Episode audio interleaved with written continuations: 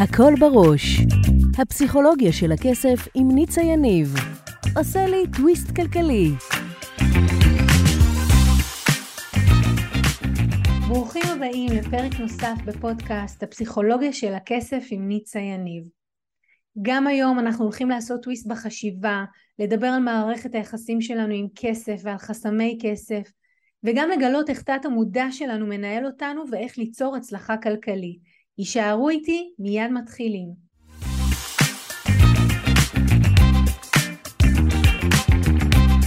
והיום אנחנו הולכים לדבר על מה זה בכלל תודעת חסר. אז אני אתחיל להגיד שהמון אנשים משתמשים בביטוי תודעת שפע ותודעת חסר ולא עד הסוף מבינים מה זה אומר ובואו רגע נסביר את המושגים הכי בסיסיים האלה. אנשים אומרים לי רגע תודעת שפע זה לא חשיבה חיובית? לא בהכרח. אני מכירה אנשים שיש להם תודעת חסר והם עדיין עושים תרגילים בחשיבה חיובית. אז זה שתי שיחות שונות, נסביר ומשם אה, נצא הלאה. אז קודם כל, תודעת שפע, אני רוצה להתחיל כדי להעמיד את שני הדברים אחד מול השני, זה מצב שבו אני כבן אדם חי רווחה, אני מרגישה שיש לי, שמסתדר לי, זה מרמת, אה, אני אקרא לזה הקדוש ברוך הוא אוהב אותי ואם דברים קורים זה לטובתי וכמו שאומרים זה מסתייע והכל נכון מדויק, שלכל אחד יש כמובן את הפינות שלו שהוא מרגיש שזה לא שם, אבל ב overall, בתחושה הכללית, זאת התחושה, הצליח לי, הצליח לי, זכיתי שאני זו אני, זכיתי שנולדתי לחיים האלה, להורים האלה. זאת תודעת שפע, והיא מדברת מאוד רווחה. תודעת חסר מדברת אה, גם קורבניות, אין לי, הכל נגדי, זה לא מסתדר לי, חסר לי, אני לא מצליח, אני לא יכול. ובעצם אנשים שעובדים או שיש להם תודעת חסר בדרך כלל ייטו באופן אינטואיטיבי להימשך לחשיבה חיובית כי הם רוצים לשנות את זה, הם רוצים לחשוב חיובי כדי להגיע למקום שקוראים לו תודעת שפע. אז הדבר הראשון שאני רוצה שנעשה זה ניקח באמת כמה כללים מאוד בסיסיים שעוזרים לנו לא להיכנס לחשיבת חסר ובמיוחד במיוחד בנושא של כסף כי בסוף אני, השיח שאני מביאה כאן הוא על כסף והתנהלות עם כסף. אז דוגמאות לזה יכולות להיות או מתחילות בנושא של אין לי. אין לי. אה, אחד הדברים שאני תמיד אומרת ללקוחות שלי, אה, אין לי כשתת המודע שלנו שומע אין לי, מבחינתו אין. אין אז אין. עכשיו, אנחנו הרבה פעמים אומרים את זה על דברים שהם לא באמת אין. מה הכוונה? נניח שאני רוצה לצאת להופעה שהיא מאוד יקרה. אז במקום אה, או לקנות מכשיר שאו שאין לי את הכסף ותמיד אני יכולה לקחת או בהלוואה או במשהו אחר, אבל אני אומרת לעצמי לא, אין לי את הכסף.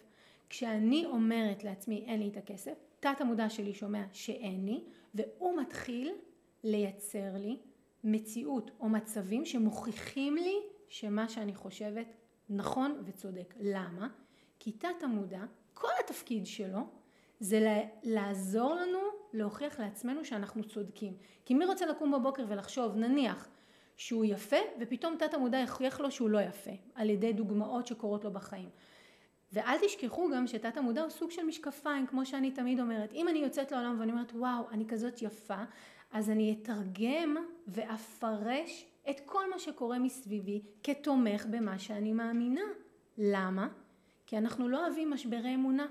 אנחנו לא אוהבים לקום בבוקר ולהבין שכל מה שחשבנו על מישהו, על מערכת יחסים, על מי שאנחנו, הוא שגוי. ולכן כל התפקיד של תת המודע שלנו זה לתמוך בכל המחשבות שלנו של איך אנחנו תופסים את עצמנו, איך אני תופס את הקשר עם החברה הכי טובה, עם הבן זוג, עם הילדים. והוא בעצם תומך בזה על ידי זה שקורים לי צירופי מקרים בחיים, אני עושה את הפרשנות שלי לפי המשקפיים שלי ואת זה אני חיה. אז אם אני חוזרת למה שהסברתי, אנחנו התפקיד שלנו זה לא לדבר את השיח הפנימי הזה ואני אומרת לכם במאה אחוז אחרי שעבדתי עם אלפי אנשים מעל 15 שנים זה לא רק מהפה לחוץ. אם זה היה רק מהפה לחוץ, טוב, כי אנשים אומרים לי, טוב, אז אני אגיד שיש לי אפילו שאין לי. לא. תת המודע לא, סליחה, אידיוט.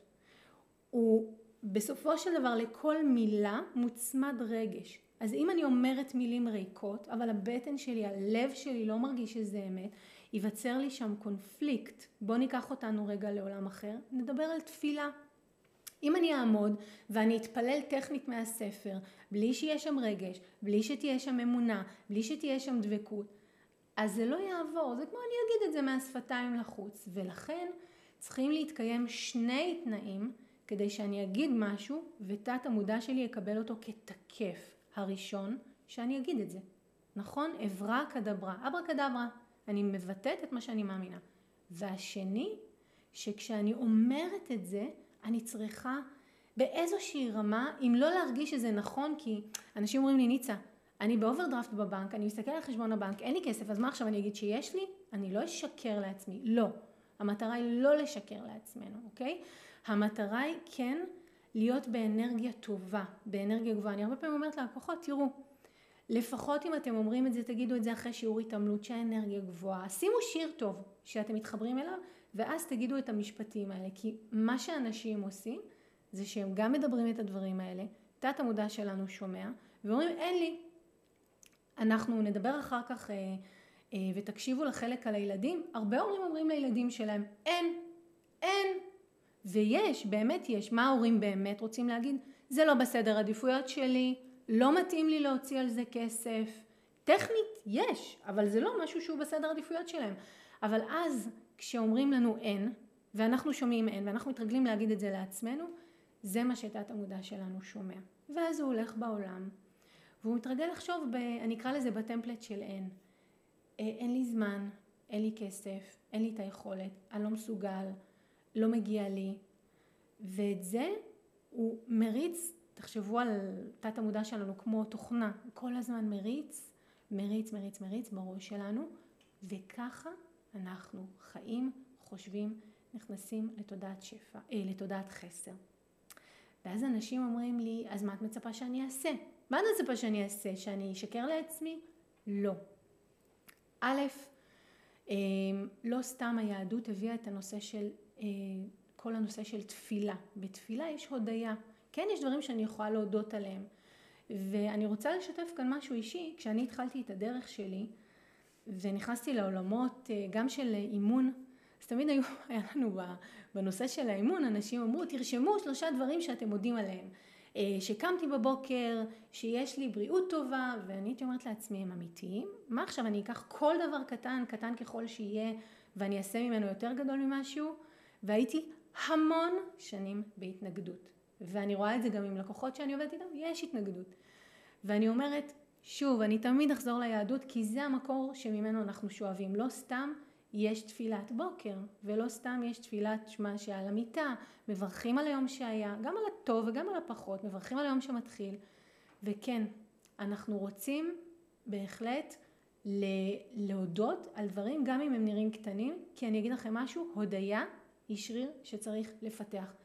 וכשאני מדברת עם אנשים אז אני אומרת להם, למה זה נראה לנו הגיוני שלהתאמן בחדר כושר אני צריכה לבנות, לעשות בילדאפ, לבנות איזשהו נפח הולך וגדול של עומס על השריר, אבל הודיה זה לא שריר, הודיה זה שריר, ואני כן אגיד ותקשיבו לכל החלקים של התוכנית כי אני אדבר כל פעם על משהו אחר, ממש חשוב, כן המפתח הוא הודיה, אה, קצת בנאלי אבל ממש אמיתי וכן זה ממש מעצבן בהתחלה לעשות איזשהו תרגיל בסוף היום של כמה דקות של הודיה, אבל זאת הדרך היחידה לעבור את החסם הזה ובסוף כולם רוצים אותו דבר.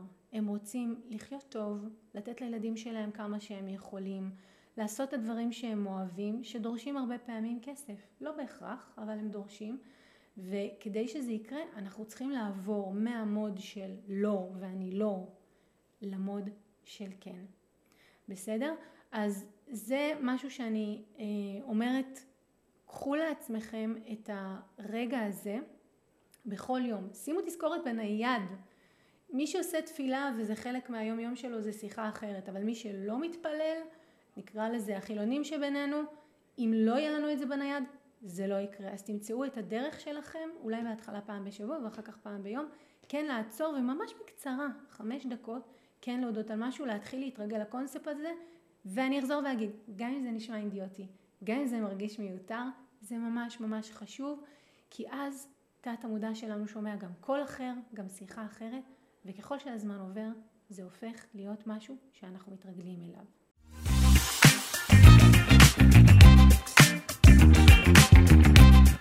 אם אהבתם את הפרק, שתפו אותי למה התחברתם, ממש מעניין אותי לשמוע. אם בא לכם ללמוד עוד על הפסיכולוגיה של הכסף, הנה המקומות שאתם יכולים להתחיל בהם. באתר ניצayaniv.com תוכלו להזין לתוכנית הרדיו השבועית שלי שנקראת הכל בראש וגם להצטרף לקבוצת הפייסבוק שלי הפסיכולוגיה של הכסף עם ניצה יניב. אם אתם עדיין לא עוקבים אחריי בפייסבוק, באינסטגרם או ביוטיוב זה בדיוק הזמן לעשות את זה. אלה מכם שרוצים להעמיק אתם יכולים לפגוש אותי אחת לחודש במפגשים הקבוצתיים לאימון בלייב או להצטרף לקורס המקיף לשחרור חסמי כסף. תמיד תזכרו, השינוי שלכם עם כסף מתחיל כאן, במקום שבו כסף ותודעה נפגשים. ניפגש בפרק הבא.